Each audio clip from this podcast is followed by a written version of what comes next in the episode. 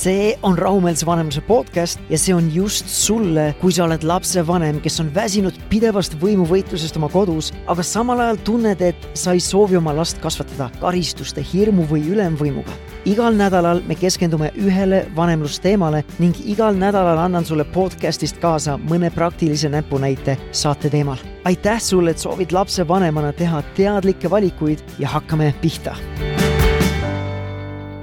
ja tere tulemast tagasi, peamiselt mulle endale, sest eh, ma tegin nii podcast'iga kui ka üleüldse töölainel suvepuhkuse, et ka mina saaksin enda akusid laadida ning panustada nii enda ja naise vahelisse suhtesse kui ka oma suhetesse enda lastega. samas, eks mul ikka olid silmad ja kõrvad kogu aeg lahti ja nii tuligi tänanegi podcast päriselu olukorrast, mida ma tahan sinuga õige pea jagada. nimelt päris sagedasti, kui me räägime rahumeelsest vanemlusest, siis paljudel inimestel, nii lapsevanematel, vanavanematel kui ka tegelikult mitte lapsevanematel, on selline ettekujutus, et see rahumeelne vanemlus on midagi utoopilist, kus lapse ja vanema vahel või miks mitte ka laste omavahelises suhtlemises ei tohiks esile kerkida konflikte ja probleeme või väljakutseid. ja ma tahaks seda veel kord rõhutada. konfliktid sealhulgas erimeelsused vanema ja lapse vahel on täiesti normaalne igapäevaelu osa. vahe on aga selles, kuidas me neid olukordasid lahendame, mida me ette võtame, kuidas me käitume ja mida me oma käitumisega lapsele õpetame. ja vahepeal on vähemalt sama oluline see, mida me ei tee, kui see, mida me teeme või kuidas me käitume mingis konkreetses olukorras. nii mõnigi kord on vaja mitte midagi teha ja just sellest me tänases podcastis räägimegi miks ja kuidas siis seda teha. nii mõnigi kord me kipume üle mõtlema või siis üle reageerima. me tunnemegi, et me peamegi iga olukorra peale kas reageerima või käituma kuidagi või midagi ette võtma. ja sageli on see päris ärevust tekitav, et kuidas ma küll saan lapsevanemana mitte midagi teha või mitte midagi ette võtta, kui olukord hargneb lahti otse minu enda silmade ees või silmade all. aga vahepeal just seda tulebki teha ja ma tahan jagada sinuga ühte lugu hiljutisest ajast.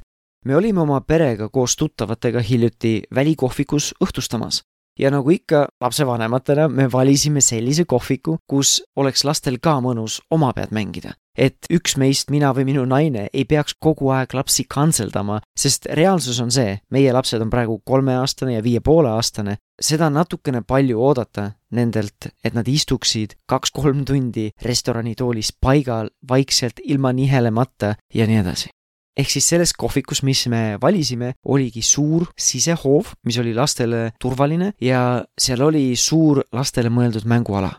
kusjuures meie laua ja selle mänguala vahel oli üksjagu maad, ma ütleks oma paarkümmend meetrit, nii et lapsed tundsidki, et nad olidki oma pead tegelikult oli see õhtu päris super õhtu, kus täiskasvanud saidki oma pead nautida täiskasvanute seltskonda ja lapsed olid suuresti oma pead. vahepeal käisid küll snäkki võtmas, aga siis läksid tagasi mängima.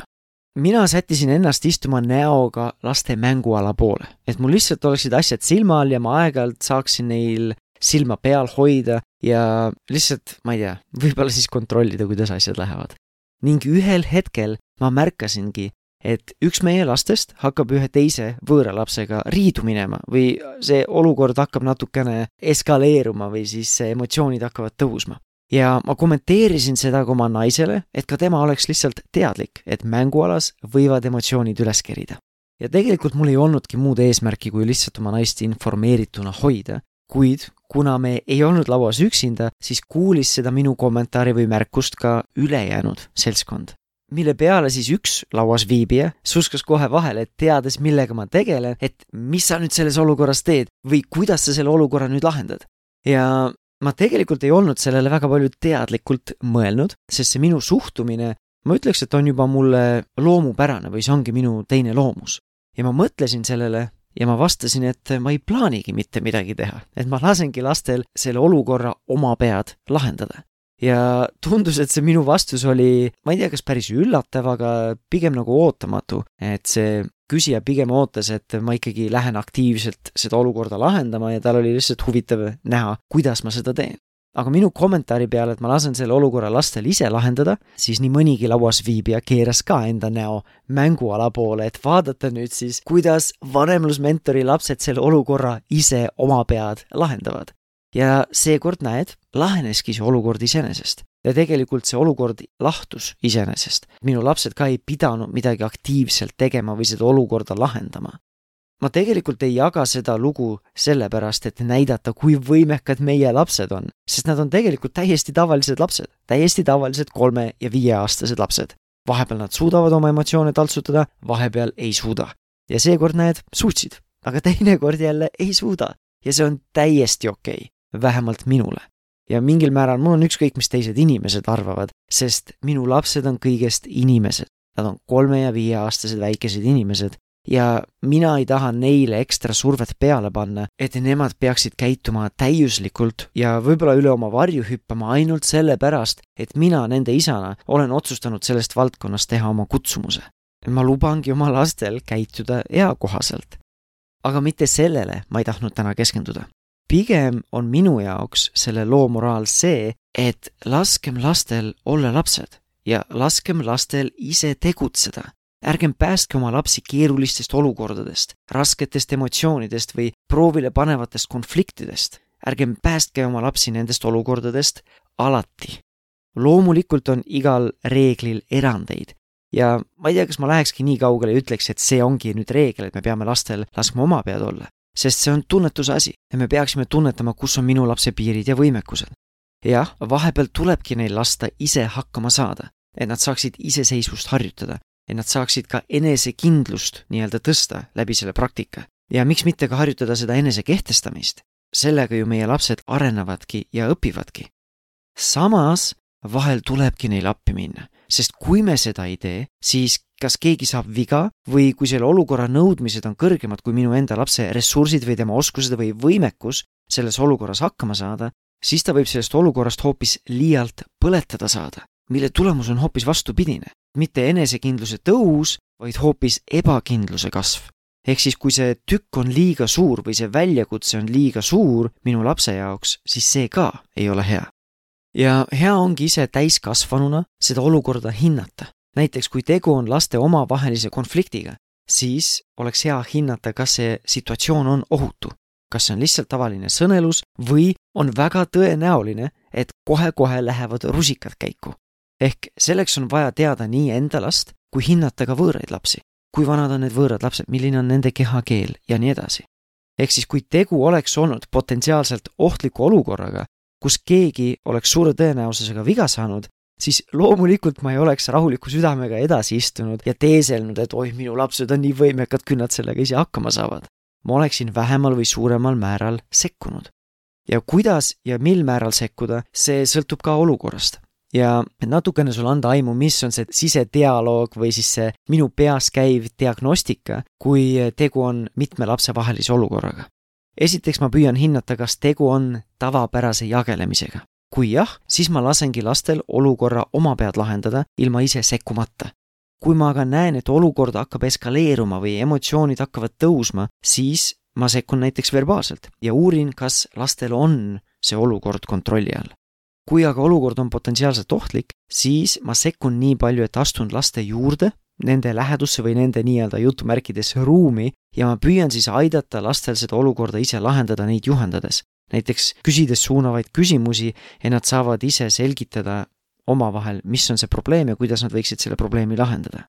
ja kui see olukord on kindlasti ohtlik või keegi on juba viga saanud, ehk siis ma olen juba hiljaks jäänud oma sekkumisega, siis ma sekkungi füüsiliselt. Mis ei tähenda, et ma olen agressiivne, aga see tähendabki seda, et ma astun laste ruumi, kas laste vahele füüsiliselt või siis ma eemaldan näiteks ühe või siis mitu last sellest olukorrast näiteks võttes oma lapse endale sülle ja astudes korraks olukorrast eemale.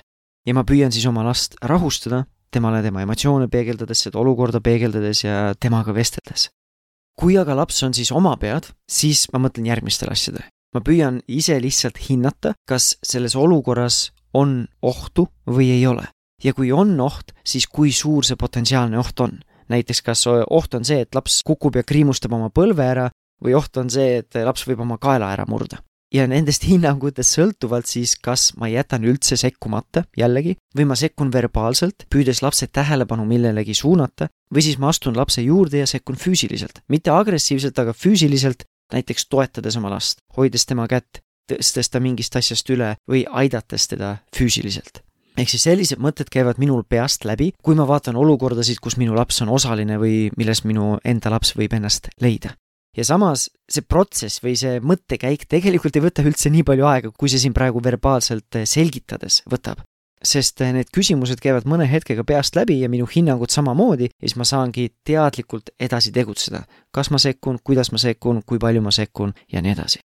Kogu selle tänase jutu kokkuvõtteks, et aidata oma lapsel areneda, et tõsta oma lapse enesekindlust, usaldust iseendasse, aga ka võib-olla emotsionaalset võimekust ja vastupidavust, on mul vaja lasta oma lapsel ebaõnnestuda, tunda pettumust ja teisi suuri emotsioone ning aeg-ajalt kogeda ka seda, et asjad ei lähe tema soovide järgi. vahepeal ongi keerulised olukorrad, vahepeal ongi teiste lastega tülid ja konfliktid ja nii edasi. Läbi selle õpibki mu laps, et väljakutsed ja ka keerulised olukorrad ongi elus vältimatud, see on elu osa. samamoodi ka on nende olukordade lahendamine elu osa ehk siis selle asemel, et ma kaitsen oma lapsi kõige selle eest, ma lasen lapsel kogeda neid kogemusi täiel rinnal, aga mitte üksinda. ehk siis ma kõnnin nendest raskustest või kogemustest läbi koos oma lapsega, piltlikult nii-öelda tema käest kinni hoides. et ma ei viska piltlikult oma last tundmatus kohas üle pea vette, aga püüan teadlikult reguleerida, et mu laps saaks minna mugavustsoonist välja, aga et see mugavustsoonist väljaminek oleks turvaline ja et see väljakutse poleks tema jaoks liiga suur samamoodi nagu see lapse vette viskamine, et ma ei viska last üle pea vette, vaid me alguses läheme sinna basseini või sinna ujumiskohta madalast otsast, alguses abivahenditega minu käest kinni hoides. Ja siis, kui ma näen, et lapse oskused ja võimekused ja julgus tõuseb, siis ma saan ise aidata tal natukene eemalduda. näiteks ma lasen tal käest lahti, aga jään ise tema kõrvale edaspidi ma saan võib-olla ise istuda kaldale või sinna ääre peale, aga samas olla väga tähelepanelikult temale suunatud ja nii edasi ja nii edasi. siis samamoodi ka siin, see turvatunne on võtmetähtsusega. et meie antud olukorras, meie mõlemad lapsed teadsid, et nii mina kui ka nende ema, me mõlemad oleme läheduses ning me saame alati sekkuda, kui selleks on vajadus ja neil oli kogemus varasematest sellistest olukordadest ja see kindlustunne, et me sekkumegi, kui selleks on vajadus, et me tulemegi appi, kui selleks on vajadus, kui see olukord on liiga suur või see väljakutse on liiga suur nende jaoks. ehk siis oluline on, et laps kogeks seda turvatunnet ja seda, et ta pole üksi, kui see väljakutse on tema jaoks liiga suur. Ja neid olukordi hinnates, kus lasta lapsel ise olukordasid lahendada ja millal sekkuda ja kuidas sekkuda ja kui palju sekkuda, siis püüa sinagi hinnata nii seda väljakutset, selle tõsidust oma lapsele, kui ka seda olukorra turvalisust ja seda potentsiaalset ohtu aga samas teiselt poolt ka nii enda lapse üleüldist võimekust sellise olukorraga toime tulla, kui ka oma lapse võimekust just antud hetkel. kas ta on puhanud ja võimekas või väsinud ja reaktiivne. Sellised mõtted tänasest podcastist. ma tean, et mul ei ole sulle anda ülilihtsat valemit, et näed, kui lapsel on selline olukord, siis käitu täpselt nii või siis ütle neid sõnu. see ongi selline tunnetuse asi ja alguses see tunnetavuse teema võib olla natukene keeruline, aga mida rohkem sa seda harjutad, seda loomupärasemaks see muutub. kuni sellemaani, et sa teadlikult tegelikult ei peagi nendele teemadele mõtlema, sest sa suudad seda olukorda hinnata nii-öelda silmapilguga. nii et äh, soovin sulle palju harjutamist ja palju kaalumist ja mõtlemist äh, esialgu ja teadlikult lähenemist ja kui see teema läks sulle korda, kui see kõnetas sind, kui see pani sind mõtlema, kuidas nendes olukordades käituda, kuidas julgustada ja arendada oma lapse iseseisvust ja enesekindlust, siis ma julgustan esiteks sind tegutsema ja katsetama, aga ka teiseks siis kindlasti jaga seda podcast'i oma lähedastega. sa võid näiteks jagada selle podcast'i kohta käivat postitust, mille sa leiad minu Facebooki lehelt at vanemlusmentor. Aga selleks korraks kõik, aitäh sulle kuulamast ja järgmise korrani, tšau!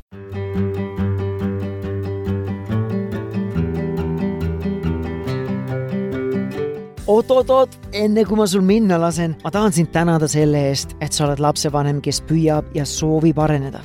isegi kui su laps seda praegu ei hinda, siis mina väärtustan seda, mida sa teed, nii et aitäh sulle.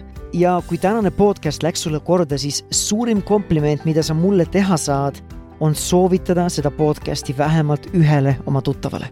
tänutäheks ma tahan sinuga jagada ühte oma lemmikraamatu kokkuvõtet nagu sina ja mina teame, pereelu on vahepeal nii kiire, et ei jõua kõiki neid häid raamatuid kaanest kaaneni lugeda. ja just sellepärast ma olen kokku pannud ühe enda arust parima vanemlusraamatu Lapse ajukeskne kasvatus lühikokkuvõte ja ma tahan seda sinuga jagada. sa leiad selle lühikokkuvõtte veebist taneljappinen.com kaldkriips kingitus ja lõpetuseks ma tahan sulle meelde tuletada, et me keegi ei ole täiuslik lapsevanem ja see polegi oluline täiuslikkus ei tohiks kunagi olla mõõdupuu või isegi eesmärk. oluline on, et sa liiguksid samm-sammult paremuse ja rahumeelsuse poole. nii et edu sulle sellel teekonnal ja järgmise korrani, tšau!